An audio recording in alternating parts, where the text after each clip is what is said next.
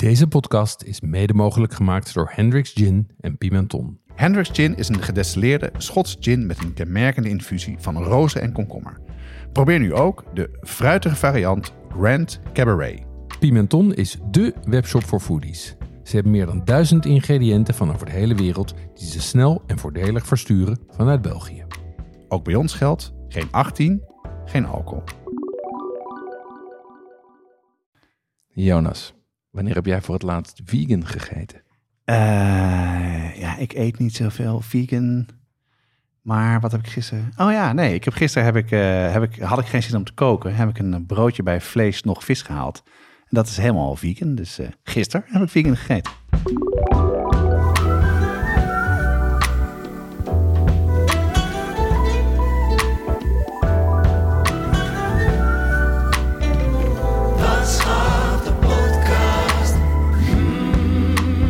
Deze aflevering gaat over de Libanese keuken.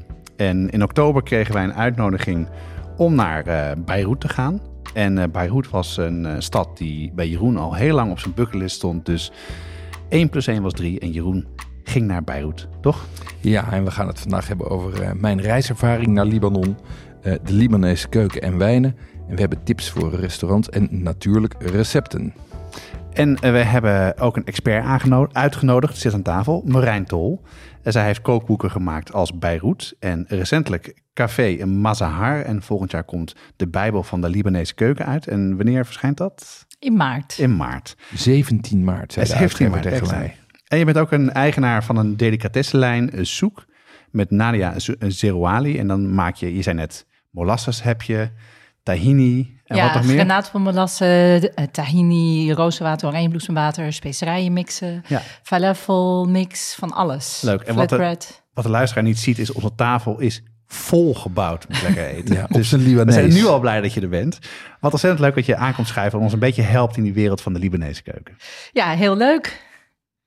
Ja, en eh, Marijn heeft mij overigens heel uitgebreid geholpen eh, met eh, de voorbereiding. Want ik twijfelde of ik wel kon en zou gaan. Dus ik dacht, ik vraag de expert op dit gebied, Marijn.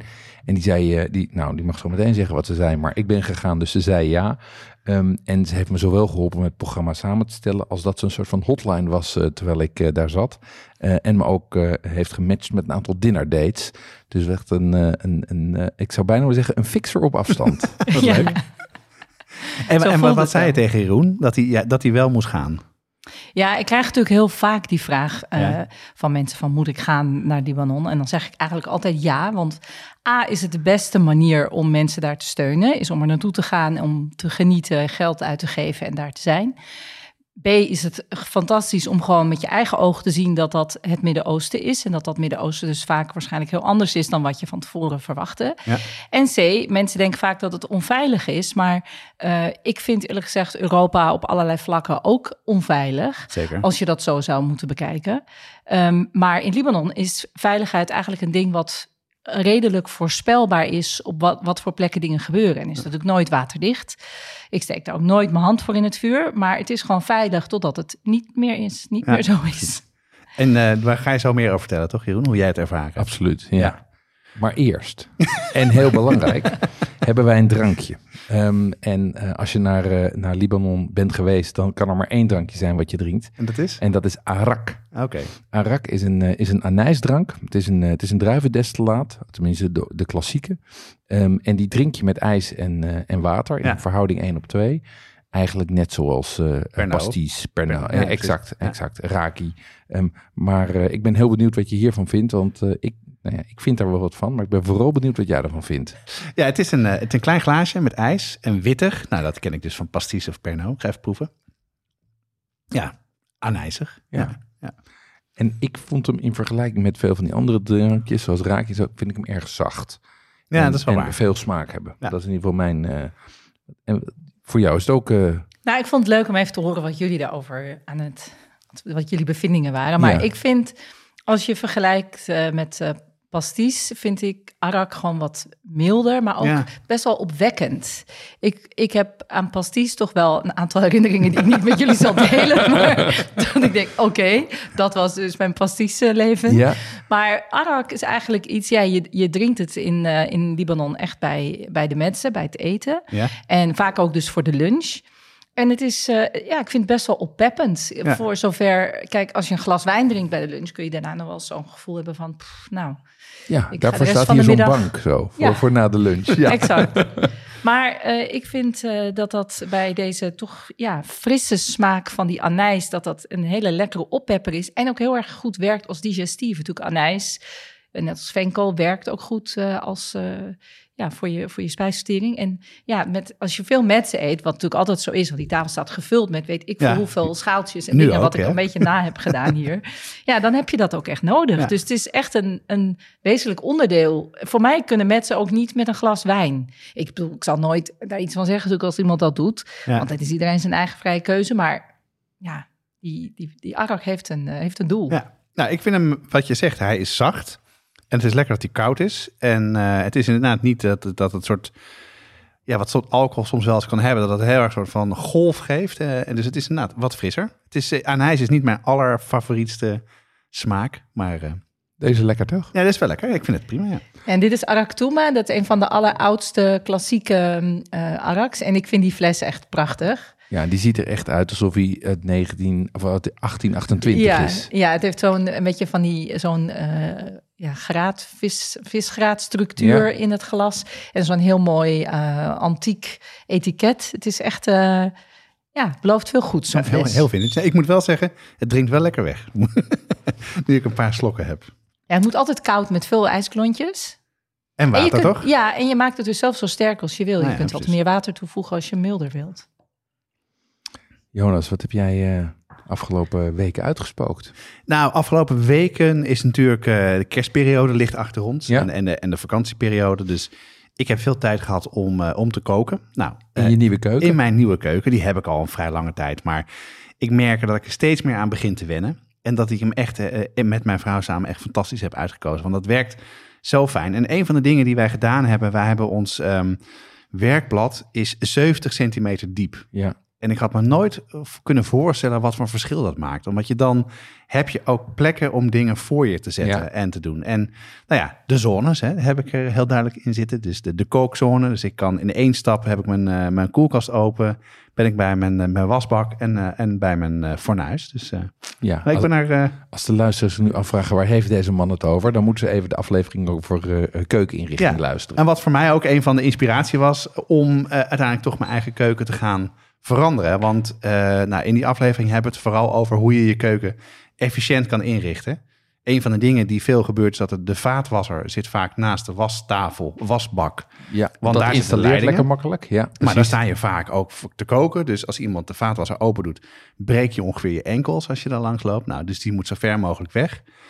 En verder gewoon slim nadenken over hoe je dingen indeelt. En dat vond ik best wel werk. Want ik heb mijn laders meerdere keren ingedeeld en opnieuw ingedeeld en gedaan.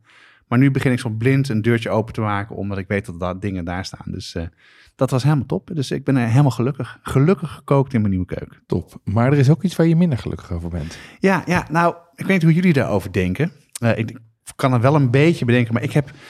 Ja, ik probeer niet te negatief te zijn over dingen in de podcast, maar ik heb zo'n ontzettend hekel aan die olie, oliebollenkramen die door de stad staan. Ik denk, ze komen weer tevoorschijn als het wat kouder wordt. Het stinkt altijd. Er staat nooit echt veel mensen in de rij, staan door de hele stad. En ik denk, waarom kan daar niet een foodtruck staan? Of wat nu op tafel staat, een vegetarisch ding of metsen. Dat moet toch kunnen, dat we, dat we op één plek, waar men heel graag wil dat de oliebollen traditioneel in Amsterdam blijven staan, maar voor andere dingen. Hoe, hoe denk jij daarover dan? Ja, nee, ja, ik, ik vind die, die aanwinst, ik vind dat ook geen aanwinst, die, eh, die, die oliebollenzaken. Ik bedoel, eh, ze, ze zijn groot en ze stinken. En eh, ik denk ook van, ja, we hebben ook allemaal bakkers die allemaal ook graag oliebollen Ja, willen er vaak verkopen. naast ook. Ja, Ja. dus ik zie het, ik zie de, ik, maar ja, het zal wel traditie zijn Ja, en eh, verworven rechten. Nou, dat is natuurlijk een beetje dat dat dus ook vergunningen zijn die al jaren zijn. En ik denk dat die mensen genoeg geld verdienen ermee. Dus niks ten nadele van de, van de ondernemers die dat doen. Maar ja, wij kunnen, er is toch zoveel meer interessante dingen te vinden. En foodtrucks vaak kunnen geen plek vinden om te staan. met Nee. vergunningen. Ja. Nou, geef dan, eh lood er een paar uit. Zoals ze in Gent doen. Met de Gentse feesten, dat dan een zoveel procent vegetarisch moet zijn. Lijkt me een goed plan voor volgend jaar. Mooi, ik hoor het al. Jonas gaat een politieke partij beginnen.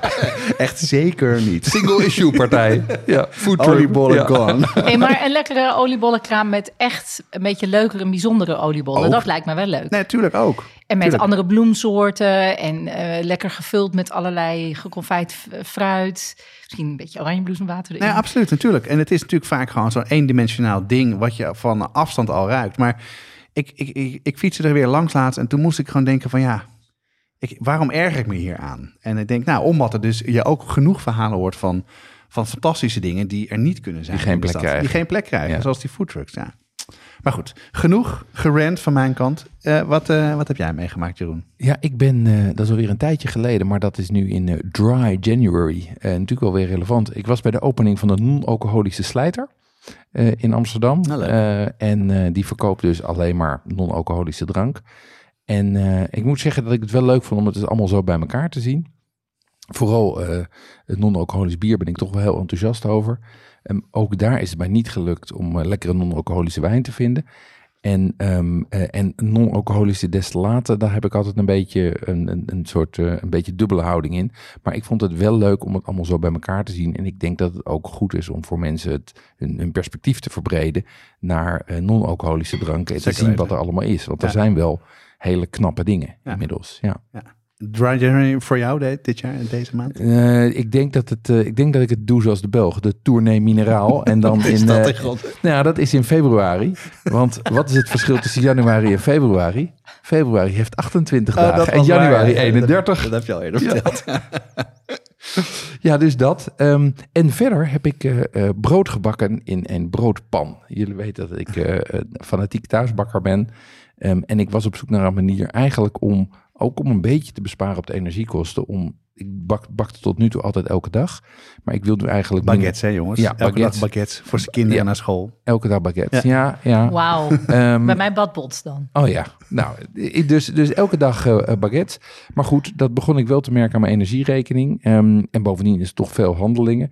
Dus wat ik nu doe, is ik, eh, ik heb een broodpan gekocht. En daarin bak ik in één keer twee, zeg maar, Alison-achtige broden.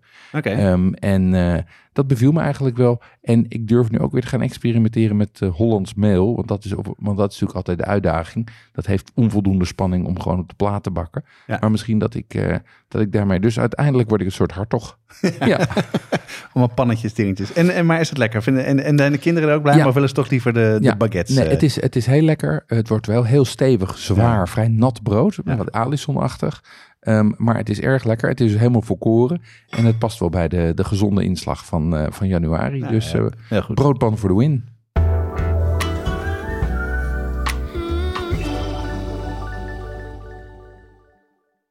We hebben een nieuwe partner, Pimenton, de webshop voor foodies en hobbycooks. Het is een online speciaalzaak voor moeilijk te krijgen ingrediënten.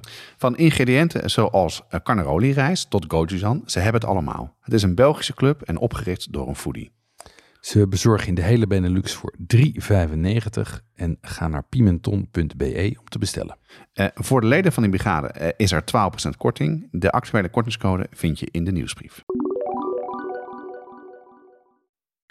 Nou, Beirut eh, en de Libanese keuken, daar gaan we het nu over hebben. En eh, ik probeer een beetje sneller te praten, want er staat zoveel eten op tafel. Ik eh, heb honger. Ja, komt ook door die arak. Dat, dat, Zeker, opwekkend. Ja. Zo is het. Nee, ehm, vertel even, Jeroen, hoe, hoe is het ontstaan? Hoe ben je is Beirut op je pad gekomen? Ja, ik werd, ik werd uitgenodigd door, een, door Koet. Dat is een, een, een food innovatieclub. Ehm, die, dat is een, een lokale club daar die bezig is om de, de foodsector te innoveren. Ehm, die heeft een eh, aantal, on- aantal eh, donors, waaronder het Nederlandse ministerie van Economische Zaken. En ehm, bovendien hebben ze in Beirut het, eh, het Vinifest. Dat is een, een jaarlijks wijnfeest. Ehm, en in die combinatie hadden ze bedacht dat ze Nederlandse inkopers en media gingen uitnodigen. En, en ja, via via kwamen ze toen bij ons terecht. En ja, ik dacht ook eigenlijk, waarom moet Nederland een, eh, een, een food innovatieclub en Libanese wijn sponsoren? Ja? Dus dat heb ik even gevraagd aan de ambassadeur die daar ook rondliep. Inmiddels eh, sta ik op het Vini Fest, het, eh, uh, inmiddels dertiende wijnfeest midden in uh, Beirut, in het Hippodroom. En ik sta hier naast de Nederlandse ambassadeur Hans-Peter van der Woude. En de Nederlandse ambassadeur is hier in functie. En dan is de eerste vraag natuurlijk, wat doet een ambassadeur in functie op een wijnfeest? Ja, dat is een hele goede vraag. Waarom sta ik naast deze wijnton?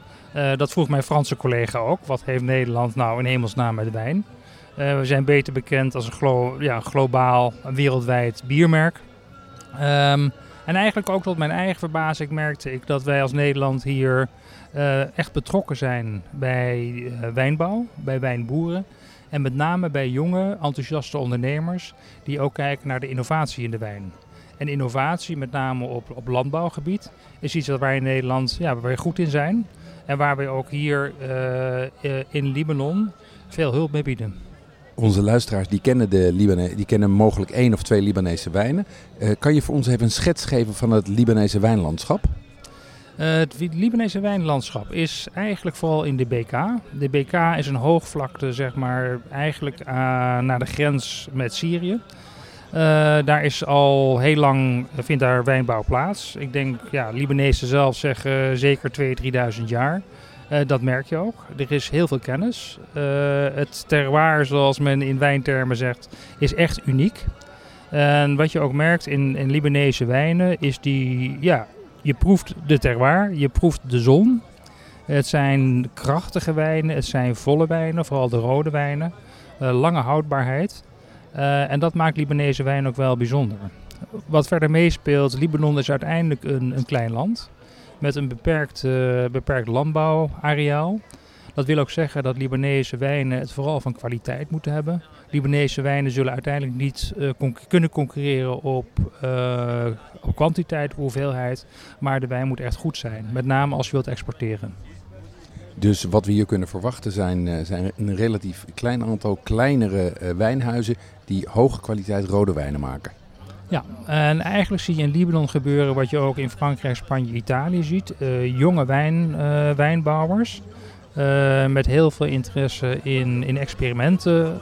men haalt hier ook oudere wijn, wijndruiven haalt men, weer, haalt men weer terug. En daar doen ze heel verrassende dingen mee.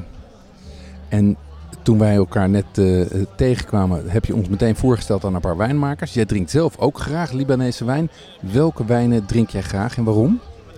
Uh, ja, in deze, in deze zomers in Libanon, uh, heet, vochtig, benauwd, drink ik toch vooral witte wijn. Sauvignon, maar ook Grenache. rode wijn, de druif van Libanon is toch vooral de Syrah.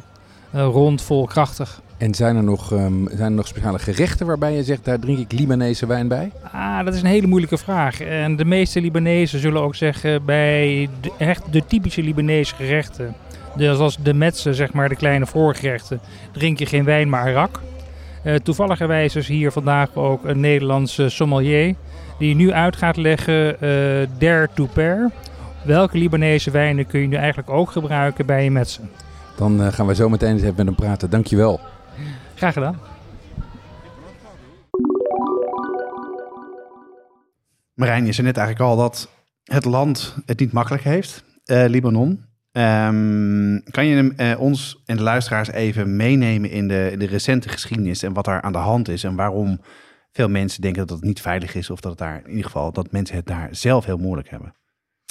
Nou ja, het is natuurlijk een regio die altijd geplaagd is door ja, ellende, veel oorlog, veel gedoe. Ja. Uh, was natuurlijk de burgeroorlog tot, uh, tot de jaren negentig. Daarna waren er nog regelmatig aanslagen.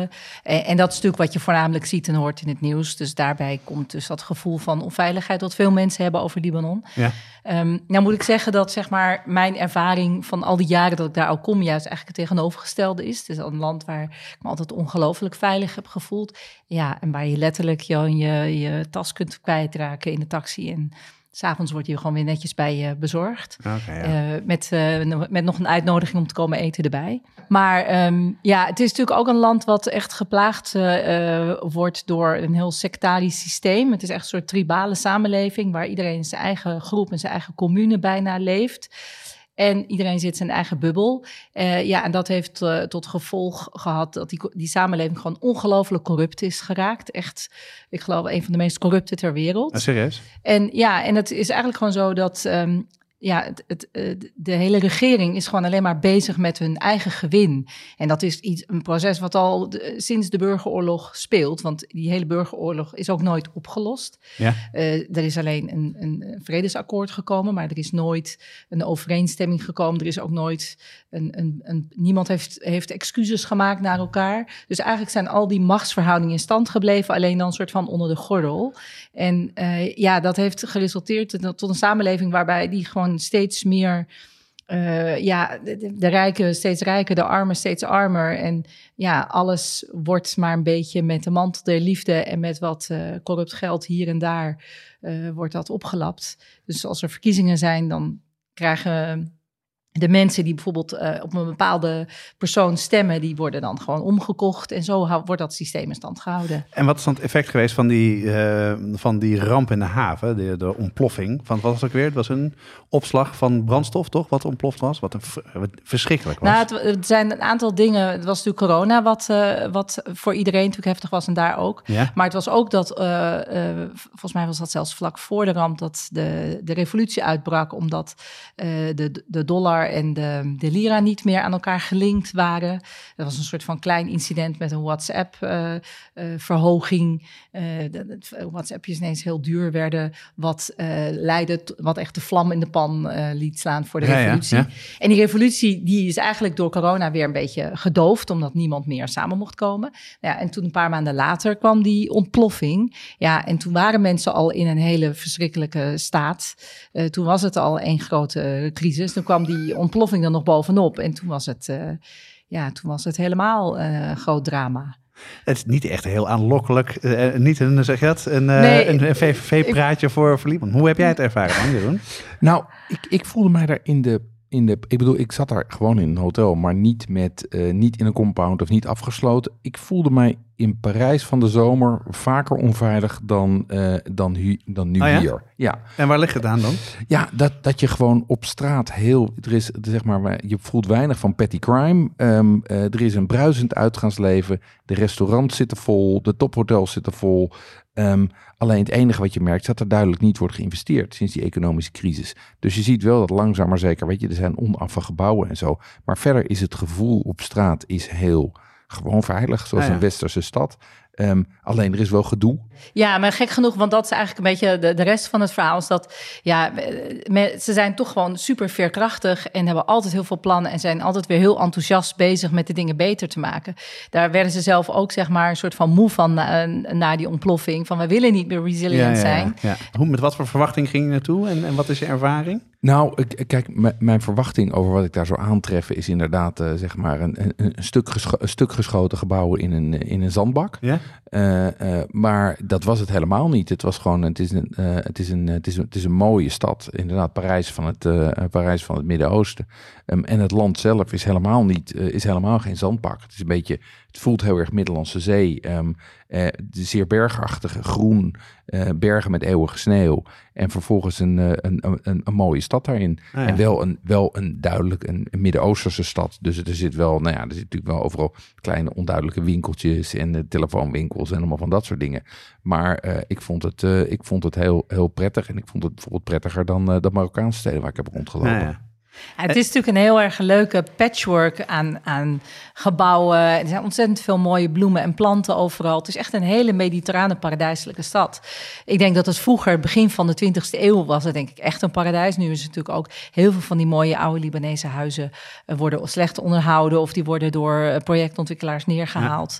De- dat is ook echt aan de gang. Maar ja, maar het blijft gewoon een stad waar ontzettend veel energie is en waar de mensen gewoon over het algemeen het beste uit het leven halen, hoe beroerd het ook is. Ja. Ik heb er een beetje een beeld van, van wat de Libanese keuken is. Maar laten we het daar even verder over hebben. Van wat, kun jij misschien uitleggen, Marijn? Want je, hebt, je zei, ik neem wat eten mee. Nou, dat is niet wat eten. Er zijn hier vier, vijf borden.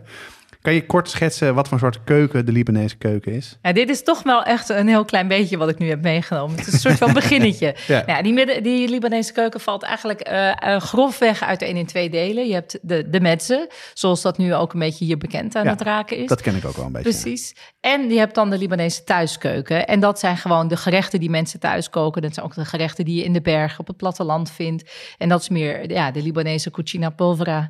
eh, de, ja, de arme gerechten waar mensen gewoon alles gebruiken wat ze om hen heen Ja, vinden. Ja. en die, eh die metsencultuur die is eigenlijk relatief helemaal niet zo oud. Die is een beetje in de jaren 50, 60 ontstaan in Zahle, een stadje in de Beka-vallei, aan een hele mooie rivier, waar je dan eigenlijk een beetje bijna op Japanse wijze aan de rivier gaat zitten met een mooi uitzicht, kabbelend water, eh, met familie, met je hele familie aan lange tafels en dan de hele zondagmiddag besteed je aan die mensen. En dan heb je eerst de koude metsen. De hele tafel wordt volgezet met kleine bordjes die je allemaal deelt. Nou, vervolgens komen de warme metsen. En dan, voor wie dat wil, eh, komt er nog een grill. Nou, inmiddels is het dan bijna... En dan nog al het zoet en fruit. Ja, en dan eh, tegen een uurtje of vijf eh, rol je dan van je stoel af. Ik zit net te denken, ja. Ja, en dat, dat is eigenlijk de echte metsenbeleving. Ja. De, de echte metsenbeleving, die, die vergeet je nooit meer de eerste keer dat leuk. je dat meemaakt. Ja. Ja, wat, wat mij Wat voor jou? Wat, ja, wat, wat mij opviel was dat, het, eh, dat die metses, dat is natuurlijk het meest in het oog springende, maar vervolgens ook, ik zag relatief weinig vlees, Ja? eh, eh, veel peulvruchten en groenten ehm, eh, in al die gerechten. Ehm, eigenlijk zit in elk gerecht zit knoflook en citroen en zout in, in die combinatie. Dat is een soort van terugkerend thema. Maar omdat ze die, die knoflook eerst met citroen marineren, gaat eigenlijk dat hele scherpe gaat eraf. Dus, ehm, dus dat is wat, eh, wat ik ervan eh, eh, van heb gezien. Ja, Ja, grappig dat je dat zegt, want eigenlijk is er best wel veel vlees. Ook in de metsen er zijn allerlei soorten kibbe van Mhm. vlees. En het is natuurlijk ook heel erg per regio wat je allemaal eet. Want het is net als Italië. Het heeft best wel overeenkomsten met, met de Italiaanse keuken. En niet zozeer in het type gerechten, maar wel hoe het is opgebouwd. Mhm. Elke regio, elke stad, elk dorp, eigenlijk iedere vrouw, ieder huis, iedere familie heeft zijn eigen specialiteiten en gerechten en manieren van doen. En ehm, ja, er komt eigenlijk best wel veel vlees in voor. Alleen het mooie is, er is zoveel en er is zoveel keus. eh, dat je ook heel goed het allemaal niet kunt kiezen. En dan is er nog steeds wel absoluut genoeg. Hm. En je eet vanzelf ongelooflijke hoeveelheden rauwkost en groenten. eh, ja, meer dan, dan mensen misschien soms lief is. Maar ja, ik vind dat eh, altijd wel een groot, groot plus. Hey, als we het dan over de metsen hebben, ehm, is dat dan een, eh, een tafel met hapjes? Is, zie ik het dan goed of hoe moet ik het zien? Nou ja, kijk, wat, wat hier voor ons staat is denk ik een heel goed eh, voorbeeld. Eh, en ik begin het ook steeds moeilijker vinden om er niet van te eten. Laten we dan Ehm, daar even naartoe gaan dan. Nee, maar het is, het is volgens mij, wat ik ervan heb gezien, maar ik ben heel benieuwd natuurlijk wat, eh, wat, Ma- eh, wat Marijn daarvan zegt. Eigenlijk is het altijd uh, taboulet, wat je daar ziet staan, en fatouche, wat je hier ziet staan. Ehm, en heel vaak ook hummus Ja. en labneh.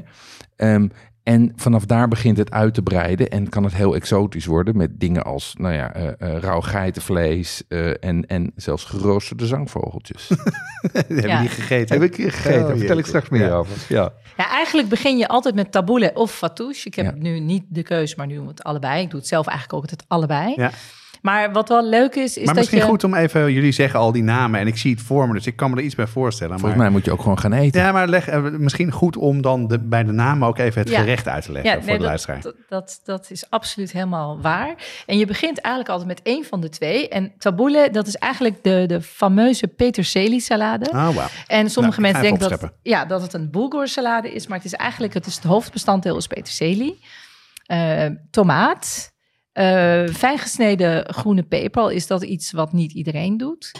Ehm lenteui, eh, zout en eh, genoeg citroensap. Eigenlijk gewoon best wel veel. Ik heb het nu nog een beetje redelijk mild gedaan. Het kan voor mij nog meer. En in Libanon is, is die bati soms wel echt in citroensap.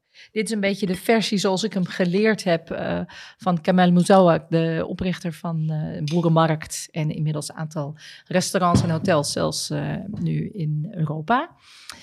Of in Parijs. En ja, het is, het is, ja, je moet het eerst maar eens even zelf gaan proeven. Ja, en dat, wat wel interessant is inderdaad, is dat die taboule... Ja, eigenlijk doe je nu al iets. eh, al- dit, dit mag Ja. helemaal niet. Nee, eigenlijk ga je, eet je of taboule of fatouche, dus niet op één bord. Oh. Ik Ja, dacht er zijn allemaal- te zijn om het snel op te scheppen, dat we door kunnen praten. Nee, Jonas, nee. Maar er zijn dus allemaal regels, maar natuurlijk kun je die regels ook aan je laars lappen. Maar het is wel zo dat een Libanees zal niet snel, zoals in Nederland natuurlijk gebruikelijk is, een bord vol plempen met alles. Ja, wat ik dus grappig vind, is dat het beeld wat ik altijd had van taboule was zeg maar wat je in de Franse supermarkt ziet liggen. Dus dat zijn van die, van die, van die bakjes met 90% zeg maar bulgur. Dat is precies wat ik in mijn Ja. hoofd had. Ik had al een paar keer te kijken, denk ik. hm, Ja, Maar dit is heel, en met die peterselie is ook heel opwekkend en fris. Het is, het is echt een peterselie salade. Nu ga ik toch de andere proeven hoor. Ja, het is, maar wat dat betreft is, is dat misverstand bijna zoals met, met eh, eh, pasta bolognese en ragout. Dat wij daarvan af zijn Ja. gedreven. Wij dachten dat het een tomatensaus was, maar het is een vleessaus. En peterselie salade, we dachten eigenlijk dat het een bourgogne salade is. Dat is het niet. Het is een peterselie salade. Ik vind het echt heerlijk, want het, heeft, het is namelijk ook een...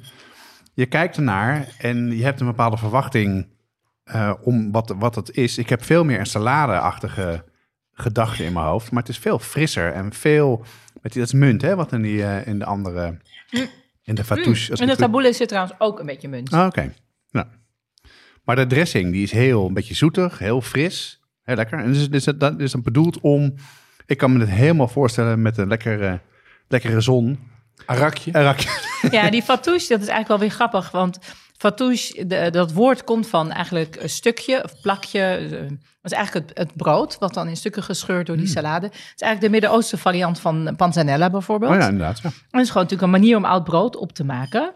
En er hoort eigenlijk ook nog ehm eh, mediterrane postelijn doorheen. Bagle heet dat al in, in het Libanees-Arabisch. Die kan ik tegenwoordig heel vaak bij mijn Turkse winkel vinden, maar natuurlijk vandaag net niet. Nou, en dan vervang je het door heel veel kruiden. Zoals nu heb ik er ook bijvoorbeeld dragon doorheen gedaan. Dat is iets wat ze trouwens in Damascus ook veel doen. Nou, er was vroeger natuurlijk veel uitwisseling tussen die steden. Ja. Nou, en dan altijd eh, die knapperige Romaine salade.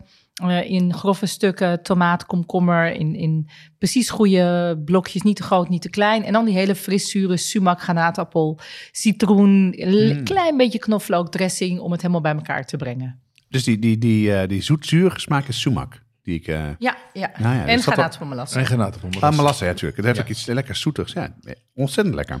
Nou, en wat ik heel knap vind is, ik heb natuurlijk ook wel een beetje geprobeerd dit soort dingen na te maken, maar dit lijkt echt heel erg op wat ik daar heb gegeten. Oh ja? Eh, ja, vind ik echt. Het is, eh, tenminste, dat, ja, de smaak komt helemaal terug. Dus dat is ontzettend knap. eh. Gelukkig. ja, nee, maar ik vind dat heel knap. En ook ehm, eh, eh, dat je dan de juiste peterselie hebt gevonden, want dat maakt ook nogal een verschil. Hè? Of je een, eh, of je een goede of een, een minder smaakvolle peterselie hebt. Want bij zo'n salade die voor 90% uit peterselie bestaat, is dat natuurlijk nogal een invloed. Ja, ik moet wel zeggen dat ik toch, als ik daar ben, dan vind ik de, de- weet je, de, grond, de, de grond is daar zo super vruchtbaar. Van die rode kleigrond. Ja, alles wat daar uit de grond komt, vind ik wel vaak nog veel smaakvoller, nog veel lekkerder. Ja, en met, eh, weet je, met gerechten die zo simpel zijn, loont het natuurlijk altijd de moeite om de beste ehm, kwaliteit te gebruiken. Absoluut, ja. Hey Jeroen, wat staat er nog meer bij met z'n vaak eh, op tafel?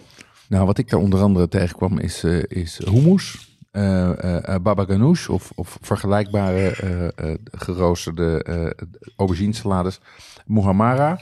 En dat is zeg maar de hele, dat is de basis. Eh, en, daarvoor, en labneh staat er vaak ook bij, volgens mij. Wat is latne? Eh Wat is uitgelekte hartige yoghurt. Oh ja. Dus je zegt eigenlijk dus niet de labne, maar lebne. Dus met een E een beetje. Ja, het is gewoon meer Ja? omdat dat leuk is, omdat dan... Ja, muhammara inderdaad de paprika pasta. Maar eigenlijk is het zo bij de klassieke mezze restaurants, zoals je die eh, dus vlak buiten Beirut ook hebt, maar ook wel in de stad zelf. Ehm, daar heb je echt gigantische menukaarten. Echt, dat, zijn meestal echt zulke grote lappen van A2-formaat. En dan heb je echt een gigantische lijst voor de koude metsen, dan een gigantische lijst voor de warme metsen en dan nog de grill. En ja, er is gewoon enorm veel variëteit. Maar hoe kies je dan? Ja, dat is, eh, je kiest met je hoeveel honger je hebt. Nou, Ah, kijk, dat is dus ook de reden dat je met je hele familie daar gaat zitten. Want mensen met z'n tweeën is eigenlijk gewoon helemaal niet leuk. Ja, ja. Want dan kun je helemaal niet genoeg op tafel zetten.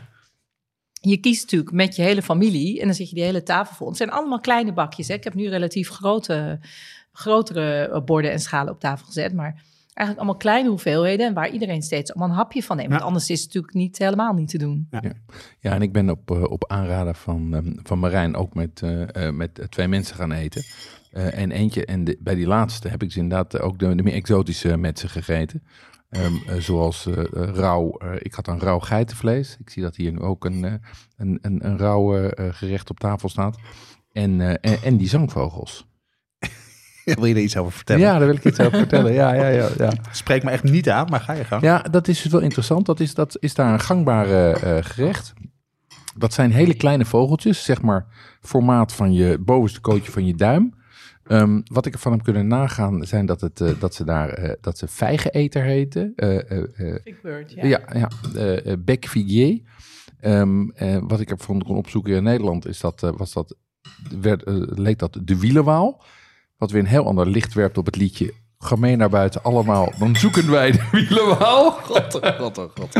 Maar die worden dus in zijn geheel geroosterd. Dus wel geplukt, maar die worden in hun geheel geroosterd, gegrild. En dan geserveerd met granatenbommelassen. En die eet je dus met bot en al. En dat, dat is te doen? Dat is absoluut te doen. Dat is Ah, zelfs lekker. En dat doet een beetje denken aan eh, eh, kleine garnaaltjes die je ook wel eens met eh schillen en al eet. Ah ja, waar, dus je ja. hebt zeg maar Ja. dan de crunch van de botjes. Ze zijn heel vet. En dan met dat zoetzuren van die granatenmolassen. Ik vond dat lekker, maar ik snap dat er mensen zijn die dat ehm, op allerlei niveaus minder aantrekkelijk vinden. Hey, die eh, Marijn, zouden wij deze twee recepten van de, de lepne en de fatouche op onze site mogen zetten? Want ik vind het echt overheerlijk.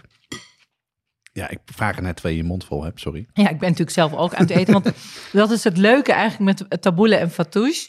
En zeker eh, kunnen jullie die recepten op de website zetten. Maar het is eigenlijk zijn verslavende salades. Ik kan er nooit genoeg van krijgen. Maar Ja, ik merk het, ik merk het. ja. elke dag kan ik gewoon taboule of fatouche Er staan nog meer dingen op tafel, Jeroen. Kan je dat vertellen? Ja, wat denk ik het meest in het oog springend is, is, die, is die, ehm, dat bord eh, eh, rauwe vlees wat daar voor je neus staat.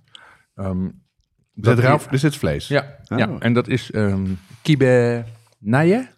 Precies. Kibe naye. Ehm, en dat zit in de familie van de kibe. Dat is een onderdeel weer van de metsen.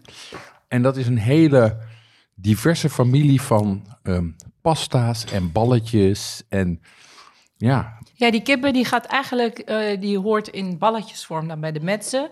Maar in de plattere vorm, zoals ik hem hier bijvoorbeeld ook heb gedaan, kan die ook heel goed bij de thuiskeuken horen. Dus de kibbe gaat eigenlijk wel over het hele arsenaal heen. Kibbe is trouwens ook door de hele regio te vinden. En, en wat is kibbe dan? variaties. Ja, kibbe is eigenlijk bulgur met iets als vlees of groente ehm, of vis. En het is allemaal En- een soort van pasta, is het? Of een, eh, ja, nou ja, pasta. je maakt eigenlijk een soort van deegje. En dat deeg kan dan plat zijn. Dat kan, kunnen eh, tor- torpedo-achtige ba- balletjes worden, zoals de, de kibbenballetjes. Maar ook eh, platte discs. eh, eh, ja, allerlei vormen en maten. En in andere landen worden er ook zelfs bijvoorbeeld zelfs rijstbloem eh, gebruikt. Zoals bijvoorbeeld in Irak. Het is een enorme familie. Gaan we weer proeven?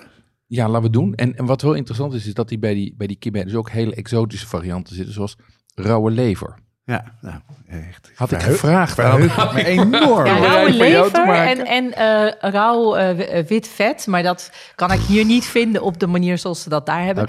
Ja, en dat doop je dan in de Seven Spice die je daar ziet Ah, liggen. ja, ja. En in het zout. En dat doe je nu ook met deze dingen? Nou, dit is nu een kibbenije, dus een rauwe, een rauwe kibbe. Eigenlijk een beetje vergelijkbaar met tartaar. Oké. Dus het, is, ehm, het, het kan van eh, lam zijn of van geit. Ja? Nu heb ik het gewoon met rund gedaan, want mijn slager had gewoon heel lekker verse rund. En je maakt het sowieso met vlees wat super vers is. Ja, en je moet het echt bij je eigen goede slager halen, zodat je gewoon het beste, verste vlees hebt. En daar zit dan ook weer bulgur doorheen. Het is heel fijn gemalen. En eh, Seven Spice zit daar doorheen. Dus, eh, ik heb zelf een Seven Spice mix daar gemaakt. En je kunt het altijd zelf, gaat olijfolie natuurlijk overheen. Je kunt het in een beetje flatbread eh, eten. Ik zal je even een stukje Ja, flatbread geven. En eh dan kun je er zelf nog wat extra zout op doen als je dat lekker vindt. Dat is eigenlijk altijd iets wat je dan eh, zelf afmaakt. En dan lekker een pikkel erbij eten. Het is echt heerlijk. En nu Ik zit een beetje te zoeken. Oh ja, oké. Eerst de pikkel. Pikkel is heel zout ook, hè? Ja, die pikkels Ja. zijn heel zout. Het zijn echt... eh, pikkels zijn in het Midden-Oosten eigenlijk alleen zout. Oh ja, niet zuur. Ja. Nee, ik zat ook even te zoeken, te, te zoeken naar wat voor... Het is, het is heel ehm, ja, comfort food-achtig. Het, is, het eet heel lekker. Het, heeft, ehm, het is niet heel heftig. Het is inderdaad een soort van tartaar of... ehm waar het misschien het meeste, niet qua smaak, maar qua hoe het eet, moet aan denken, is ehm, ja, tartaar in Frankrijk. Wat aan tafel wordt bereid. Wat dan hele andere soorten smaken heeft. Maar Jeroen heeft nog, eh, nog flink aan het eten. Ja, het is super lekker. En het idee is dus dat ik het ook met die Seven Spice met die, eh met die toem eet. Of, Oh, nou die toem, inderdaad. Die, die, de toem is eigenlijk een, eh, een, ja, een knoflooksaus die gewoon uit puur knoflook... vergelijkbaar met de aioli bestaat. Interessant Dus, hoor dit. eh, zout, citroensap en, eh, en olie. En heel soms een eiwit om het, eh, als je een grote batch wil maken, die wil hem goed stabiel ehm, hebben. En toen, dat eet je bijvoorbeeld bij een lekker gegrild kippetje met sumac. Eh, daar is het, eh, hoort het echt bij. En bij dan de aardappeltjes. Maar bij een kibbenaille vind ik het persoonlijk ook echt heel lekker. Eh, en bij bijvoorbeeld eh, de kippenlevertjes, et cetera. Dat soort dingen, daar eet je, daar eet je die toen bij. Kan je omschrijven wa- ehm, wat je proeft, Jeroen, van de Lebanon? Ja, de lebne is een, ehm, eh, eh, smaakt als, een, als een iets wat in zit tussen een, ehm, tussen een yoghurt en een, eh, en, een, en een crème fraîche, zeg maar. Ja. Dus het, is, het heeft de, de dikheid van een crème fraîche, maar de frisheid van een yoghurt. Wat natuurlijk heel lekker is, is dat er goede olijfolie op zit. En za'atar, en daar hebben we het straks vast ook nog even over. Ehm, en dat is een soort lekkere dip die je, die je, met, je, die je zo met je, met je flatbread kan, eh, kan opscheppen. Wat ik nou zo leuk vind, Jeroen, jij zei, we gaan het hier over hebben, want ik ben er geweest en ik vind het fantastisch. En ik kon me er gewoon niet zoveel bij voorstellen. Maar ik vind, ik vind het echt te gek dat we dit nu eten. Want het, het opent voor mij wel weer een keuken dat ik denk, waar ik normaal niet zo snel aan dacht om bijvoorbeeld thuis te maken. Maar als ik zie hoe simpel het eigenlijk is om te maken. ehm, je moet natuurlijk wat ingrediënten hebben die speciaal daarvoor zijn. En die zijn in, eh, in Amsterdam volgens mij super makkelijk te vinden. En ehm, het, is, het eet gewoon zo lekker. Het eet heerlijk en het, is, eh, het past denk ik ook heel goed als ik weet wat jullie thuis, hoe jullie thuis graag eten. Ook inderdaad met gezelschap, met gewoon dingen op tafel Ja, zetten. absoluut. Ja. Dit is ideaal. Ja. Ja. Goed hoor. Ja, en het is ook heel erg leuk dat je dus ook nog eens een keer vaak heel erg gezond eet. Ja, Want je ja. eet gewoon heel veel groenten Ja. eh, en dat hoort er ook echt bij. Wat eten we, Marijn? Wat is de, de laatste schaal die eh hier Ja, op dat is een aardappelkibbe. En die is gemaakt van gekookte aardappel, waardoor je dan ook weer bulgur doorheen eh, doet. Specerijen, er zit ook nog wat gedroogde munt overheen en walnoten. Dit is een variant uit het noorden van Libanon. Maar in het zuiden bijvoorbeeld maken ze hem weer met hun eigen specerijen kruidenmix. En dan smaakt hij weer heel anders. En dat is eigenlijk ook het leuke. Dat, eh, ja, het is zo'n regionale keuken dat iedereen zijn eigen variant van dingen heeft. En ehm, maar ja, het is dus, eh, ja, die aardappelkibben heb je ook dan wel weer in, in bolletjes variant, waarbij het dan gefrituurd en dus nog een keer gegaard wordt. Maar dit is gewoon zo'n, ja, eigenlijk een soort van, voor ons doet het misschien denken aan een soort van aardappelpuree, maar dan toch Ja. net anders. En het heeft heel veel smaak. Nou, in, die, in die zaak waar ik, eh, waar ik zat, waar, ehm, waar ik die vogeltjes heb gegeten, daar hadden ze ook een kibbe van, ehm, van aardappel. En er zat heel veel gepofte knoflook door. Oh ja. Oh ja, ja. Dat was ook heel lekker. En met basilicum misschien ook. Nee, dat was, alleen, Hm. eh, was gewoon alleen een, eh, eigenlijk gewoon een bergje. Het zag eruit, zo'n bergje aardappelpuree. Ja, Met een paar stukken gepofte knoflook nog extra erbovenop en olijfolie. En dat was ook heerlijk. Dat was maar dat is soort, eh, eigenlijk geen, daar zit geen bulgur doorheen door die variant. mm, geen kibbe. Nee, dat is wel ook heel lekker, maar dat is een ander gerecht. Oké. Maar wel in hetzelfde soort gevoel natuurlijk. Goed idee was dit, Jeroen. Top hè? ja, ja, Hey, dit, was, dit was de metsen en de, en de kibben. ja. Eh, wat heb jij aan hoofdgerechten gegeten daar? Nou, wa- wat je, wat je wel zal een beetje, een beetje eh, ik denk wat jij nu ook ervaart, is dat als je dit, deze tafel hebt leeggegeten, dat je niet noodzakelijkerwijs nog een hoofdrecht hoeft. Nee, een arakje. Dat eh, Ja, denk ik ja. en even een tukje op de bank. Maar nee, maar eh, wat ik vooral heb gezien is, eh, is gegrild vlees en vis. Ehm, eh, een beetje Italiaansachtig, vrij, vrij naturel bereid. Eh, wat ik in de restaurants in ieder geval tegenkwam.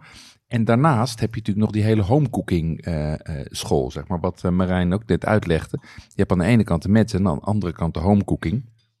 En dat is echt wel weer een hele andere keuken. Ehm, en dat heb ik gegeten bij Taulet op aanraden van Marijn. En misschien is het leuk om daar even naar te luisteren. Ja, inmiddels zijn we binnengekomen bij Taulet. En Taulet is een eh, instituut in, eh, in, in Beirut en eigenlijk in heel Libanon. Ehm, het is een, een relatief onopvallende zaak als je binnenkomt. Het ziet eruit als een eetcafé. met nou, tegels op de vloer en verschillende soorten stoelen langs de wand. Grote balie met daarachter kant-en-klare goederen die je kan kopen. eh, granaten, kruiden, dat soort dingen. Olijfolie. Ehm, maar als je verder loopt zie je dat er een, eh, een trap is naar beneden. En dan kom je in een halve kelder terecht. En daar is wekelijks een eh, farmers market. En aan de andere kant achterin is een buffet waar een dagelijks wisselende chef lokale gerechten kookt. Ik ben nu eh, aangekomen bij het buffet bij Taulet. Dat staat achter in de zaak. En daar wordt elke dag door een andere chef, over het algemeen vrouwen, gekookt. Ehm, en die komen uit de omliggende regio's. Dus dit is zeg maar home cooking uit, eh, eh, uit Libanon en die directe omgeving. Vandaag staat er een Armeense chef. Ehm, en eh, zij heeft hier, ik tel even snel, een 12, 13-tal gerechten staan. En zij gaat mij vertellen wat ze heeft. Dat vertelt ze in het Frans. En dan ga ik daar mijn eh, houtje touwtje vertaling van aan jullie geven. Bonjour. Qu'est-ce que vous avez J'ai des plats euh, traditionnels libanais et puis des plats arméniens parce qu'aujourd'hui c'est la cuisine arménienne. Alors euh, vous avez le taboulé, c'est un- une salade traditionnelle libanaise avec du persil, de l'oignon, des tomates, de la menthe, du citron, de l'huile et du sel.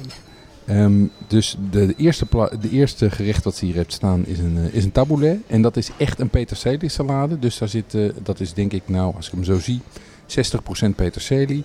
Ehm, en daar zit verder tomaat en onder andere amandel doorheen. En dat is echt een, eh, een klassieke Libanese schotel. Et après vous avez le kebé de lentilles. Ce sont des lentilles avec du blé concassé, de l'oignon et du cumin qui est accompagné d'une salade arménienne faite de tomates, concombres, oignons, euh, de la menthe sèche et de, un petit peu de piment. Ja, en dit is een, eh, een van de kibbe gerechten. De kibbe, daar eh, zullen we het wel vaker over hebben. Dat zijn balletjes. In dit geval eh, balletjes van, eh, van, van blé, dus van eh ehm, linzen. En daar zit bovendien bloem doorheen. Ehm, en die zijn op smaak gebracht met allerlei smaakmakers. En daarbij zit een Armeense salade. En dat is eigenlijk een soort van tomaten, komkommer, uiensalade. Eigenlijk bijna als een salsa. Et puis, Et puis vous avez aussi les blettes qu'on enroule en triangle parce que la farce est faite avec du riz, des pois chiches, de l'oignon, un petit peu de sauce pimentée et du, du sel. Et bien sûr, on met toujours du sel et du citron. Euh, c'est- c'est un plat arménien. Ja, en dit ziet eruit als driehoekige dolma's, zeg maar. Het zijn bladeren gevouwen van een, eh, van een, een, lokale groente. Zij legt het uit als een soort eh, spinazie. Ehm, en die wordt gevuld met, eh, met rijst en met smaakmakers. Ça, c'est de la viande sèche qui s'appelle basturma. Il y a des épices à l'intérieur, mais on l'achète toute prête parce qu'on ne peut pas la faire à la maison. Ja, dit is een... Dit is een het is, een, eh, dit is rundvlees, ehm, wat, is, eh, wat, wat met kruiden is gedroogd. Eh bastramen. Het lijkt eigenlijk op, op pastrami. Het is, ik heb het net geproefd. Het is veel pittiger. En het is een diep, diep rode kleur. En dat wordt geserveerd met, met labneh. Vous avez le hummus, c'est fait de pois chiches, de la crème de sésame et du citron. Du sel, bien sûr. Nou, dat is een eh, klassieke hummus gemaakt van eh, kikkererwten, eh tahin, ehm, knoflook. En il y a de ail dedans? Si vous voulez, vous pouvez en mettre. Mais nous, on n'en met pas parce qu'il y a des clients qui ne mangent pas d'ail. Hier zit geen knoflook in, maar wel citroensap. Bah, eh, en dan zijn we nu aangekomen bij de warme gerechten. Tot nu toe was alles koud. Vous avez le lahmajin arménien. C'est étalé, c'est de la viande de, de bœuf avec du persil, de l'oignon, de l'ail, des tomates, de la menthe. Et bien sûr, il y a des épices. Vous étalez sur une pâte très fine. Et puis ça vous donne le lahmajin. Ja, dit zijn eigenlijk eh, wat wij in Nederland eh, Turkse pizza's noemen. Maar eigenlijk kleine lahmacoons. Dus eh, eh, zeg maar nou, een centimeter of twaalf doorsnee. Die gevuld zijn met eh, gehakt en kruiden. Ehm, en die worden hier dus warm geserveerd als mezze. Ça s'appelle, le souberek. C'est une pâte faite maison. Au milieu, vous avez du fromage. À chaque rangée, on met un petit peu de beurre et on le passe au four. Euh, c'est ça. C'est, arménien. Et Ça, ça s'appelle comment? Souberek. Soeberek. Ja, en soeberek ziet er dus eigenlijk uit als een soort, nou, iets wat in zit tussen, iets tussen een, een, eh, een baklava van filodeeg en een quiche, zeg maar. Dus het is kaas, een kaashartige vulling. Maar aan de bovenkant zie je dat er heel veel randjes van dun deeg uitkomen. Ehm, en die worden dus in stukjes geserveerd. En we gaan naar de volgende gang. Alors, c'est des pommes de terre fait au four. Il y a dedans, dessus un petit peu de coriandre, de la menthe. euh, on peut mettre du, du piment en poudre. Et on les met au four avec un petit peu d'huile. Ja, dat zijn feitelijk gewoon met kruiden geroosterde aardappelen. En daarna heeft ze hele interessante, ja, het ziet eruit als kleine cannellonietjes, kleine, kleine dumplings, maar die zijn in de oven gebakken. Ik laat haar zelf even uitleggen. Le menteux, c'est euh, un plat arménien. C'est une pâte qu'on ouvre très finement. On les coupe en carrés, on met de la viande de bœuf avec bien sûr des épices et du sel et on les passe au four. En les mangeant, on rajoute de la sauce tomate et du yaourt et du souma.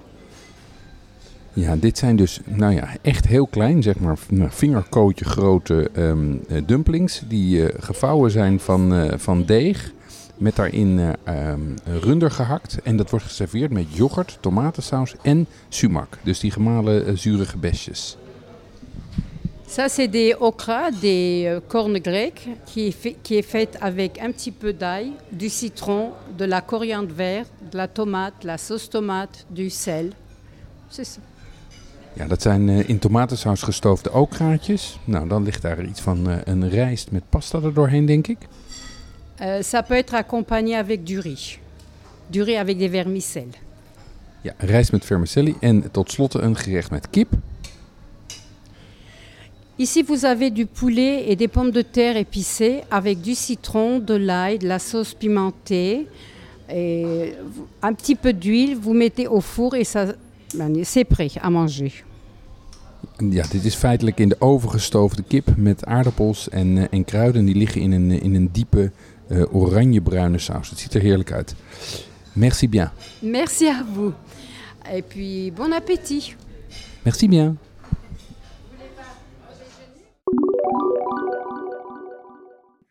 Zo Jeroen, heb je dat allemaal opgegeten? Ja, ik heb dat allemaal opgegeten. Ehm, eh, en ik was heel blij. Dit was een tip van Marijn om hier te gaan eten. Die zei, als je...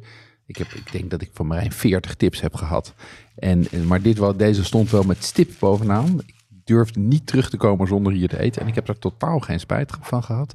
Ehm, maar misschien is het goed als... eh, Marijn, waarom, waarom vond jij dit zo'n belangrijke zaak om te eten? Nou, omdat eh, je bij Taule echt die thuiskeuken kunt proeven. Daar staan, elke dag staat er een andere dame uit een andere regio en die kookt haar eigen gerechten. Zoals die ook thuis voor haar man en kinderen en familie maakt. Dus dat is gewoon heel leuk, dat je op die manier gewoon, als je er natuurlijk vaker eet, maar dat je eigenlijk heel Libanon door kunt proeven. En als je er één keer eet, krijg je gewoon een indruk van hoe, een, hoe, zo'n, hoe die gerechten bij mensen thuis gemaakt worden. Ja, dat is eigenlijk gewoon ja, fantastisch. Want ja, waar vind je dat? Ja, zeker. Ja. En ze hebben gewoon een neus voor die dames uit te kiezen die ook gewoon echt werkelijk fantastisch zijn. En was het lekker Jeroen? Ja, het was, het was heel erg lekker. Ehm, en wat je ook merkte was dat het een heel sociaal bedrijf is. Dat, het een heel, eh, dat, dat er een, een, een belangrijke drive achter zit. Ja, het is wel, het is echt heel mooi. Het is ooit in 2004 begonnen met een eh, farmers market door Kamal Mouzouak opgericht. Nou, toen is daar later, ik meen, ik ben daar allemaal bij geweest, die hele periodes. Maar een aantal jaren later, ik meen in 2008, als ik het goed zeg, eh, is daar eh, het eerste Taule-restaurant bijgekomen. Dat zat eerst op een andere plek. Eh dus eigenlijk door de, door de explosie is het verhuisd naar deze plek waar je het nu ziet. Het is trouwens wel mooi om te vertellen, daar komt ook weer die veerkracht in naar voren. Is, dat die explosie was natuurlijk begin augustus. Nou, en in oktober hadden ze het voor elkaar gekregen om ja, binnen twee maanden eh, alles te verhuizen naar deze nieuwe plek. Wat een voormalige autogarage was. Helemaal omgeturnd Oh, in een prachtig restaurant en dus een hele grote ruimte voor de markt. Want die markt die vond eerst plaats een stukje verderop in eh, wat je downtown Beirut noemt. In Beirut Souks, een groot winkelcentrum in het voormalige ja, oude centrum van de stad. En ehm, ja, dat was ook eh, verwoest. wat in ieder geval niet meer, niet meer geschikt om daar die markt te doen. Dus dat hebben ze in twee maanden voor elkaar gekregen. Dus dat is fantastisch. En daarmee hebben ze natuurlijk zoveel mensen aan het werk kunnen houden. Ja, en, en wat, wat mij ook wel opviel overigens, in een, ik heb natuurlijk met een aantal van die ondernemers daar gesproken. En de, ik zag dat er ontzettend veel drive was bij heel veel, eh, heel veel mensen daar. Ehm, en ik zag ook dat de, de mensen die daar op dat moment in ieder geval aan het werk waren, bijna allemaal ook, laat ik zeggen, bredere doelstellingen hadden. Dus niet alleen geld verdienen, maar ook eh, eh, sociaal activistisch of, of, of, of democratische doelen of kunst stimuleren. Ehm, en, en enerzijds is dat denk ik is dat heel erg ontrend. Want je ziet natuurlijk sowieso dat, laat ik zeggen, de, het duurzaam ondernemen eh, Ja, eh, ja. een trend is. En, En wat Nou, een noodzaak zou ik zeggen. Een noodzaak, precies. Ehm, en je merkt wel dat die Libanezen ook uitstekende marketeers zijn. Want overal waar je kwam, nog, voordat, nog voordat de fabriek stond, was, het logo, was er al een prachtig logo en een vormgeving. Ja, ja, zeg ja, maar. Ja, ja, ja, ja. Ja. Daar hebben ze echt een neus voor. Ja, ze hebben gewoon heel veel eh, neus of oog voor stijl en esthetiek. Ja. Ze houden van schoonheid. Ja, ja, ja, en tegelijkertijd zag ik ook dat het, dat laat ik zeggen, het zijn de mensen die daar nu nog zijn en nu nog ondernemen, dat zijn ook de idealisten. Want mensen die echt, laat ik zeggen, realistisch en berekenend zijn, die zijn er al lang gesmeerd, want die zijn nu, zitten nu in Parijs of Londen of wat dan ook. Ja, ja. Dat is absoluut waar, maar de kanttekening daarbij is dat natuurlijk een hele grote groep gewoon geen keuze heeft. Nee. Die hebben gewoon niet, eh, niet de middelen, niet de visa, niet de familie eh, in het buitenland. En die kunnen gewoon niet weg. Nee. Die zijn gewoon te arm om weg te gaan. Eh, ja, je hebt eigenlijk nu eh, de, de middenklasse die nu kan blijven. Die kan blijven doordat ze toch op een bepaalde manier het geld zo verdienen. Dat het uit het buitenland binnenkomt. Dus toch een soort van in dollars. Ja. Ehm, of de, de, de elite, de extreem rijke mensen die gewoon heel veel geld al hebben of hadden. eh, En het in het buitenland hebben staan. Ja. Eh, ja, en de mensen die nu zijn gebleven, die, eh, die eh, proberen daar wel het beste van te maken. Je had het net over dus, eh, hulp van, van buitenaf. En jij sprak, eh, dat hebben we net gehoord, de ambassadeur. En die had het over wijn. Want daar was je ook voor in, in Libanon, Libanon toch? Ja, zeker. Libanese wijn. Ja, Hoe is dat? Ja, ik vond dat heel interessant. Ehm, eh, ik kende eh, één Libanees wijnhuis voor ik ging, Chateau Moussard. Dat is zeg maar de bekendste en dat is daar ook de grootste. Ehm, en als ik het even snel moet samenvatten, zat het voor mij een beetje tussen oude en nieuwe wereldwijn in, qua stijl. Ehm, eh, enerzijds heb je zeg maar die Franse tradities, het is natuurlijk voormalige Franse kolonie en dat merk je in de manier waarop ze viniferen, in de manier waarop ze naar wijn kijken. Ehm, eh, wat je ook ziet door het bergachtige landschap is dat er heel veel kleine chateaus zijn. Dus er zijn veel wijnhuizen, maar die zijn allemaal betrekkelijk klein. Ehm, eh, een van die wijnhuizen waar ik nu was geweest, die was gewoon eigendom van een tandarts. Die daarnaast voorzitter was van de mensenrechtenorganisatie. Ehm, en, eh, en, en ik denk dat dat wel, nou ja, dat dat de wijnen goed typeert, zeg maar. Het zijn eh, daarmee soms hele briljante wijnen die worden gemaakt door liefhebbers.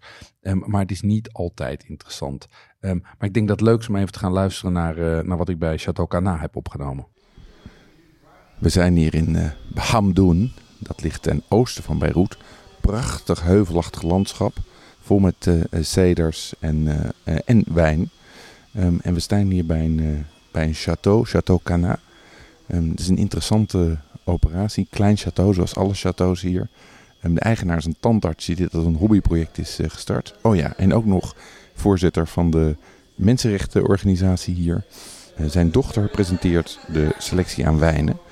Um, we gaan eens even kijken wat ze voor ons heeft. We're called Chateau Cana to remind people that we've been making wine in Lebanon for at least 2,000 years. And uh, we have seven, seven different wines. There is Le Kabir range that we're tasting now. You have the white, the rosé, and the red.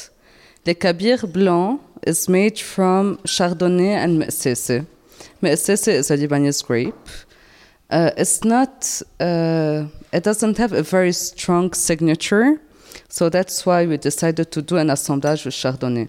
70% Chardonnay, 30% Me'sese. It gives a good uh, balance of uh, buttery aftertaste without uh, hindering a lot the bouquet of uh, fruits you can smell. Uh, so, since we're a warm country, the Chardonnay notes are mostly tropical fruits, not a bit citrusy. So, you have the good acidity uh, without it being flat. So, we're one of the few wineries in Lebanon to make Pinot Noir. It's a grape that usually doesn't like warm weather at all. So, you have at some point a tipping point. So the acidity will go down completely and the sugar level will go very quickly high, uh, which makes a Pinot Noir very delicate grape. You have to know when to pick it and where to plant it. Um, we managed to do a very good Pinot Noir, very proud of it. Uh, it's very different from the European style because it still has more tannin, more body, it's still a Pinot Noir from a warm country at the end. We aged it six months in a second juice oak barrel. Ik ga eens even aan uh, Jasper Smit van Halve Zwijnen vragen wat hij van deze Pinot Noir vindt.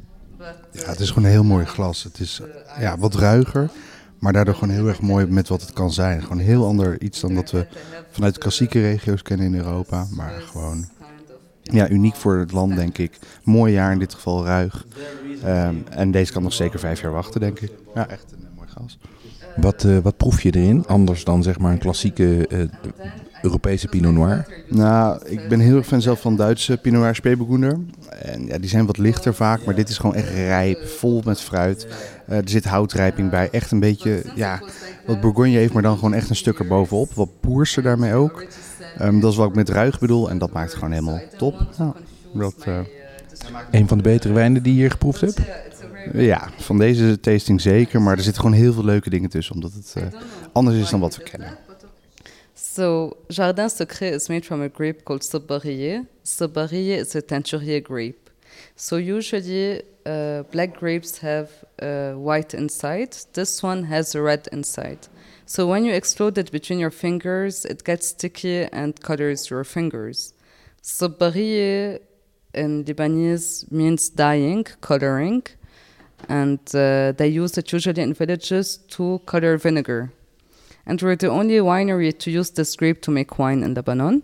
And it's a Lebanese grape, so technically we're the only winery worldwide to use this grape to make wine. It's our best selling bottle. We export it to eight countries. And that's it.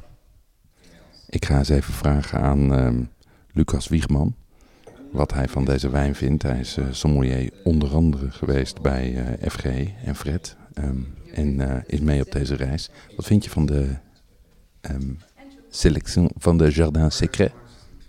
Ja, ik vind het een hele interessante eh, wijn. Het wordt gemaakt van een autochtone druivenras. Eh, een teinturier eh, druivenras ook. Dus met een ja, binnenkant de pulp die rood is.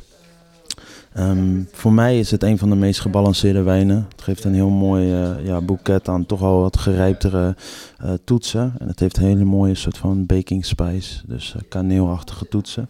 Ook op het palet. de dame geeft net al aan dat ze veel met veel extractie werken. Dus het heeft best wel veel tannines. Het trekt best wel op het palet, maar het wordt wel echt gebekt met heel veel fruitgewicht. Dus het maakt een best wel mooi gebalanceerde wijn. Eh, met goede lengte. Dus Als jij dit zo proeft, waar zou je dit bij schenken? Wat voor soort gerechten? Nou, dan denk je natuurlijk meteen aan toch al wat zwaardere geroosterde vleesgerechten. Eh, maar het kan ook hele aardsige groentes zijn. Ik denk wel meteen aan de winter. Ik denk vaak aan seizoen als ik eh, wijnen proef. Dus als je dit met een mooi ja, stukje geroosterde lamskotelet of een mooi biefstukje, kan dit denk ik heel goed werken. Wild, zou het goed met wild gaan? Afhankelijk. Sommige wild eh, is wat, wat eh, ranker qua vetgehalte. En ik denk omdat de wijn redelijk veel tannines hebt, heb je wel, denk ik, in, in, in je proteïne veel vet nodig of in je gerecht. Om eigenlijk die balans te zoeken tussen eh, de- het gerecht en de wijn. Dus, maar het zou zeker kunnen. Marijn, jij zei net eh, dat je helemaal heimwee kreeg als je dit hoort. Ja, Accent, of niet? Ja, het accenten van mensen. Je hoort heel erg of ze van oorsprong ook Frans praten. Ja, het Libanese accent, zowel in het Engels als in het Frans. En natuurlijk het Arabisch, wat heel vaak ook allemaal... Ja, al die drie talen in één zin gemixt worden. Ja. Ja, het is gewoon heel specifiek. Dus ja, dan krijg ik altijd Ja. heimwee als ik dat hoor. Dus Jeroen heeft Libanon een klein beetje meegenomen. Hè? Een klein beetje Ja. boe. Ja, en dan combinatie met de arak en het eten. Oh, ik, ik zie, zie ik natte oogjes daar. Nee, Ja. nee, zo erg is het ook weer niet.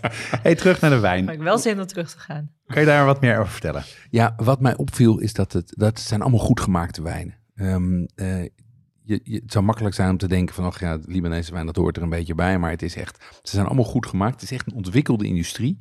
Ehm, ze hebben een hele eigen stijl, veel lokale endemische druiven, zowel wit als rood.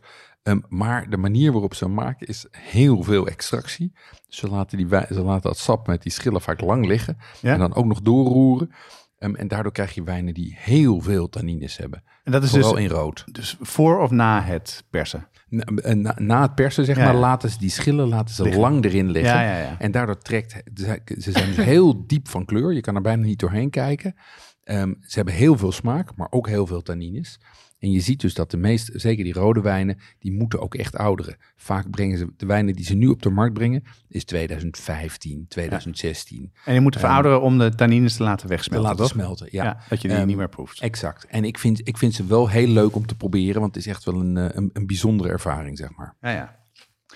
Marijn, wat vind jij van, van Libanese wijnen? Na al Mm, deze ik nam glaasjes, natuurlijk net weer een hap. eh, en de glaasjes arak die eh, we hier aan het drinken zijn. Nou, ik hou, ik hou eh, heel erg van die Libanese wijn. Ik ben nooit zo heel erg als een kenner ermee bezig geweest. Maar ik heb wel een aantal favorieten. Waarbij eigenlijk de bekendste ehm Chateau Musard eigenlijk nog steeds wel mijn grote favoriet is.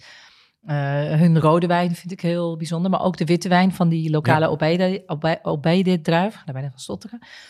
En eh, ze hebben ook een rosé die ik heel lekker vind. En die zijn op een bepaalde manier best wel complex en gelaagd. En zij werken ook best wel redelijk natuurlijk. Dus het is een, zijn wel wijnen waar veel in gebeurt. Ja, absoluut. En dan vind ik eh Chateau Canaver vind ik heel lekker.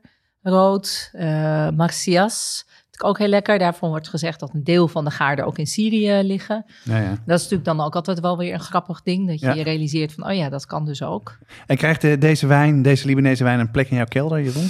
Ehm, een paar flessen zeker. Ik heb een paar flessen meegenomen en, en die vind ik ter afwisseling en als curiositeit leuk. Ik vind ze ook echt lekker. Ja. Ehm, maar het zijn wel echt vleeswijnen, zeker die rode. Dat is, daar moet je gewoon een, een gestoofde lamsbout of zoiets bij hebben. Heftig dus. Ja, stevig, gewoon Ja. echt, echt kracht. Ehm, en ze zijn niet goedkoop. Ze zijn daar niet goedkoop, maar hier helemaal niet. Ja, ja. Dus voor zo'n Chateau Moussard betaal je op dit moment vier of vijf tientjes. Dus dat is wel, dat maakt hem, laat ik zeggen, niet iets waarvan je zegt, eh, die trek ik elke dag open. Nee, maar Ja. het, dus wel wat Marijn net zei, daarmee steun je dus wel, eh, doe je heel veel goed in dat land. Absoluut. Ja. Ja. ja, Dus eh, dan mag Maar, je... dat, maar dat kan je ook met andere dingen doen. Ja, en, want je hebt dingen meegenomen en dingen gekocht, toch? Ja, ik heb, ik heb behoorlijk wat dingen meegenomen. En dat zijn dan vooral de Monet-producten. De wat? ja, Oh, Monet-producten. volgens mij zei je dat net, hè? Dus Ja. dat zijn de, de, de kruiden. Is dat wat? Ja, Moene is eigenlijk alles wat ingemaakt is. Oh, Ja. ingemaakt. Dus eigenlijk Oh, de voorraadkast. Ja. Het is eigenlijk gewoon de voorraadkast. Nou, wat heb je meegenomen? Ehm, ik heb meegenomen eh zaatar, ja? eh eh granaatappelsiroop, eh oranjebloesemwater.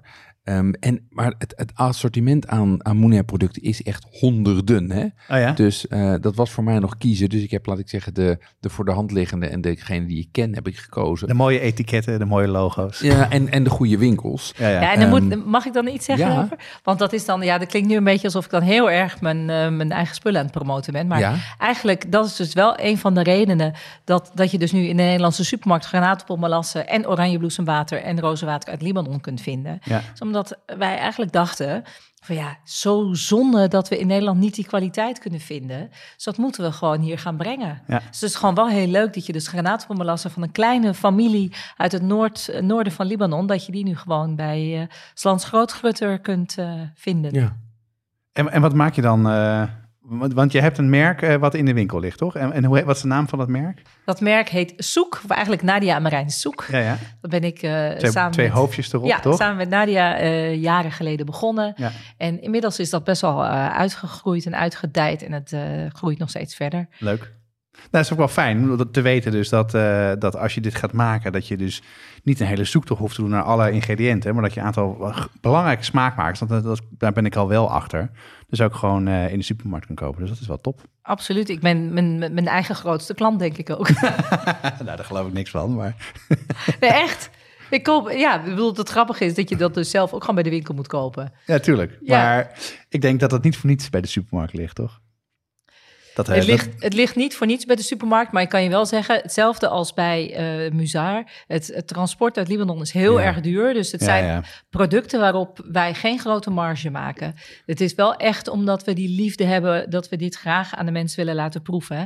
Natuurlijk is het niet zo dat we, eh, dat we erop moeten toeleggen, maar nou, het scheelt bijna niet veel. Hey, Even zonder, zonder in jouw boeken weer te willen kijken, maar eh, groeit de omzet of down of is die gelijk? Oftewel, Heb je het nu over mijn ja, boeken of nee, nee, neemt, de vraag naar deze producten toe. Ja, de vraag naar die producten neemt zeker toe. Ja, het, het groeit absoluut. Eh, Het begint steeds bekender te worden. Eh, we hebben ook gewoon best wel wat ruimte nu voor, voor eh, al dit soort smaakmakers. Dus het is zeker in de lift. Het is ook natuurlijk fijn, want veel mensen zoeken naar eh, oplossingen om vega en vegan te eten. Ja. Nou, daarvoor zijn al deze smaakmakers, tahina ook, zeker de witte tahina, zoals wij die ook voeren, die komt dan weer uit Palestina. Ja. Ja, daar zijn mensen nu steeds meer gewend aan het raken. Die, die notie van kwaliteit is ook wel eh, groter geworden bij, eh, bij het publiek. Dus dat is Ja. wel heel fijn, leuk. En als we het nou over Libanon zelf hebben, zou je dat dan aanraden, Jeroen, om daar naartoe te gaan? Ehm, ja, ehm, het, kijk, het land is fantastisch. De mensen zijn fantastisch. Ik ben daar ontzettend geholpen. Ontzettend aardige mensen tegengekomen. Ook mensen waar ik zelf, ik zeggen, niet zakelijk mee te maken kreeg. Maar gewoon iemand op de hoek die ik even vroeg eh, waar ik naartoe moest. En die zei, oh, ik breng je wel even. Oh ja? Dus ja, e- echt heel aardig. Nou, het eten, dat heb je geproefd. Dat is echt, dat is briljant. Eh, er schijnen door het rest van het land hele mooie guesthouses te liggen. En dat sprak mij wel aan om daar eens eh, eh, naartoe te gaan. Dus daarvan heb ik zoiets van, nou, daar zou ik nog wel eens een keer naartoe willen gaan. Ehm, ik moet wel zeggen, dat logistiek is gedoe. Ehm, want je moet eigenlijk alles met cash doen. Je, moet je telefoon daar niet roamen, want dat kost je een godsvermogen. Dus je moet een lokale simkaart regelen. Ehm, dus, maar dat is gedoe, maar ook tegelijkertijd oplosbaar, omdat die mensen zo behulpzaam zijn en het heel veilig is. Dus je kan het gewoon allemaal regelen. Ehm, maar daar moet je dus niet bang voor zijn. Ehm, ja, en ik denk wel dat je even eh, de, het reisadvies van, eh, van het ministerie moet checken voordat je gaat. Want eh, het, kan ook, het kan ook snel veranderen Ja. daar. En de ambassadeur zei, ik denk dat het slechter wordt voordat het beter wordt. Ah, Oké, dat wel. Ehm, maar met ja, die- maar dan heeft hij het denk ik vooral over de economische crisis. En dat is niet iets waar je als toerist eh, nu heel erg bang voor hoeft Ja. te zijn. Ik moet zeggen dat het ministerie altijd wat eh, voorzichtiger is. Dat is ook hun rol. Ik ben daar in alle jaren ook geweest al toen het reisadvies misschien iets voorzichtiger was. Ja, ik vind dat over het algemeen is het, is het gewoon echt prima te doen. Ja. En wat je zegt nu met die hele crisis, vroeger kon je prima pinnen overal. Dat is nu inderdaad ingewikkelder. Maar daarentegen, ja, inderdaad, iedereen staat voor je klaar. En mensen zijn ja. ongelooflijk Ja. behulpzaam. En ja, dat is niet iets wat eh, één keer gebeurt of wat bij één iemand gebeurt. Dat gebeurt gewoon constant. En dat is eigenlijk is gewoon iedereen, eh, vanaf het moment dat je aankomt op het vliegveld, is iedereen blij dat jij er bent. Ja. Ja. En als je weggaat, zeggen ze: Hoezo ga je weg? Ja. Waarom, hoezo kun je niet blijven? En wanneer kom je terug? Ja. Ja. Dat heb ik nog steeds met mijn vrienden die ik al 15 jaar ken. Die, die appen mij net. Wanneer kom je weer? En hoezo kom je niet sneller? Waar blijf je nou? Ja. En hoezo ga je weg? Maar wat ik ook wel, wel, ook wel achter ben, is naast dat je dus eh, dit moet weten, helpt het ook om het telefoonnummer van Marijn te hebben. En Die eh, introduceert je aan eh, de goede, de goede kanten. ja, zetten Eh, we op de site? Hè? nou ja, weet je, het, ma- het fijne is natuurlijk dat ik er een heel boek over heb gemaakt. daarom, waar ik alles in heb geschreven. Daar wil ik naartoe gaan. Want Ja. als je niet naar, eh, naar eh, Libanon wil gaan, maar wel deze keuken wil proberen en doe het echt, dan heb jij, komt, eh, op 17 maart komt eh, jouw kookboek uit, de, de, Bijbel. de Bijbel van eh, de Libanese keuken. Ehm, Ja, en daarnaast voor de mensen die niet kunnen wachten, die kunnen gewoon met Beirut aan de slag. ja, want- precies, een ander boek wat je gemaakt Precies, hebt. hè? Beirut gaat echt over de stad. En daar zit, dat zit ook al boordevol met al dit soort heerlijks. Ja, Ja. dat is, dat en is ook half, vol met adressen. Dus Ja. dat is ook een perfecte reisgids. ja, dat is half, half kookboek, half reisgids, Ja, ja. zeg maar. Dan Ja. geef je ook een beetje een idee hoe het er is en hoe je er dan van kan genieten. Ik heb dat, ge- ik heb eh, eh, voordat ik in het vliegtuig daar naartoe heb ik allerlei hoofdstukken zitten lezen. En voordat ik op pad ging, las ik nog even een hoofdstuk. Hoe zat het ook weer? Het cool. is echt ideaal. Laten we het even bezinken of samenvatten, Jeroen. Hoe, eh, hoe, hoe kijk je terug op, jouw op jouw bezoek aan Libanon? Ehm, ja, ik ben, ik, ben, ik ben wel verkocht, zeg maar, door Ja? Libanon. Ja, ik vind het echt wel heel mooi. Ehm, eh, ik, had het, eh, ik, ik begrijp de keuken nu beter. Ik had een beetje zoiets als jij. Ik wist er iets meer vanaf. Ik had het wel een paar keer gegeten, vond ik het aantrekkelijk. Maar ik begrijp hem nu veel beter. En ik wil hem nog veel beter leren kennen. Ehm, die keuken is in ieder geval veel Europeeser en lichter dan ik dacht. Ja? Ik had veel Ja. meer een, een zwaardere, doorstoofde eh, eh, keuken verwacht. Ehm, ik wil er nu ook meer vanaf weten en mee gaan koken. Ehm, tegelijkertijd, en ik ben natuurlijk heel blij dat uh, Koet me heeft uitgenodigd om daar naartoe te gaan. En me de gelegenheid heeft gegeven om de boel daar te bekijken. En ik ben natuurlijk ontzettend blij met Marijn, die mij uh, van tevoren en gedurende en nu ook nog achteraf. En nu ben ik ook Ja. heel blij met Ja, Marijn. ja, ons, de hand, ons bij de hand heeft genomen. Dus dat was super. Ja, Marijn, ontzettend bedankt. Bedankt voor alle, want je hebt er echt heel veel tijd in gestopt. Want Jeroen heeft me laten zien hoeveel contact jullie hebben gehad. En ook nu weer het is super gastvrij, ook al ben je bij ons te gast. En uh, dank voor dat je wilde aanschuiven in de podcast en meer wilde vertellen over de Libanese keuken. Nou, daar heb ik maar één antwoord op uh, in het Libanees. En dat is natuurlijk ahlan wa sahlan. En dat betekent je, welkom en uh, graag gedaan. Met veel nou, plezier. Ingelijk. Voor de luisteraars van de gratis podcast zit het erop voor deze aflevering. Voor de brigade gaan we nog door met het supplement. In het supplement praat Jeroen met Esther Erterman over haar nieuwe kookboek Tahin en de vegetarische keuken. Als je ook lid wil worden van de brigade, ga dan naar petjeaf.com slash podcast en meld je aan. Deze podcast wordt gemaakt door Jonas Nouwen en Jeroen Doucet. Met speciale dank aan Marijn Tol, die ons fantastisch heeft geholpen. Het team bestaat verder uit Corianne Straathof, Annie Tazelaar, Paul Veldkamp, Cato van Paddenburg en Jesse Burkunk. En de muziek is gecomponeerd door Nico Bransen en Ton Dijkman en uitgevoerd door Mel en Vintage Future. Tot de volgende keer. Tot de volgende keer.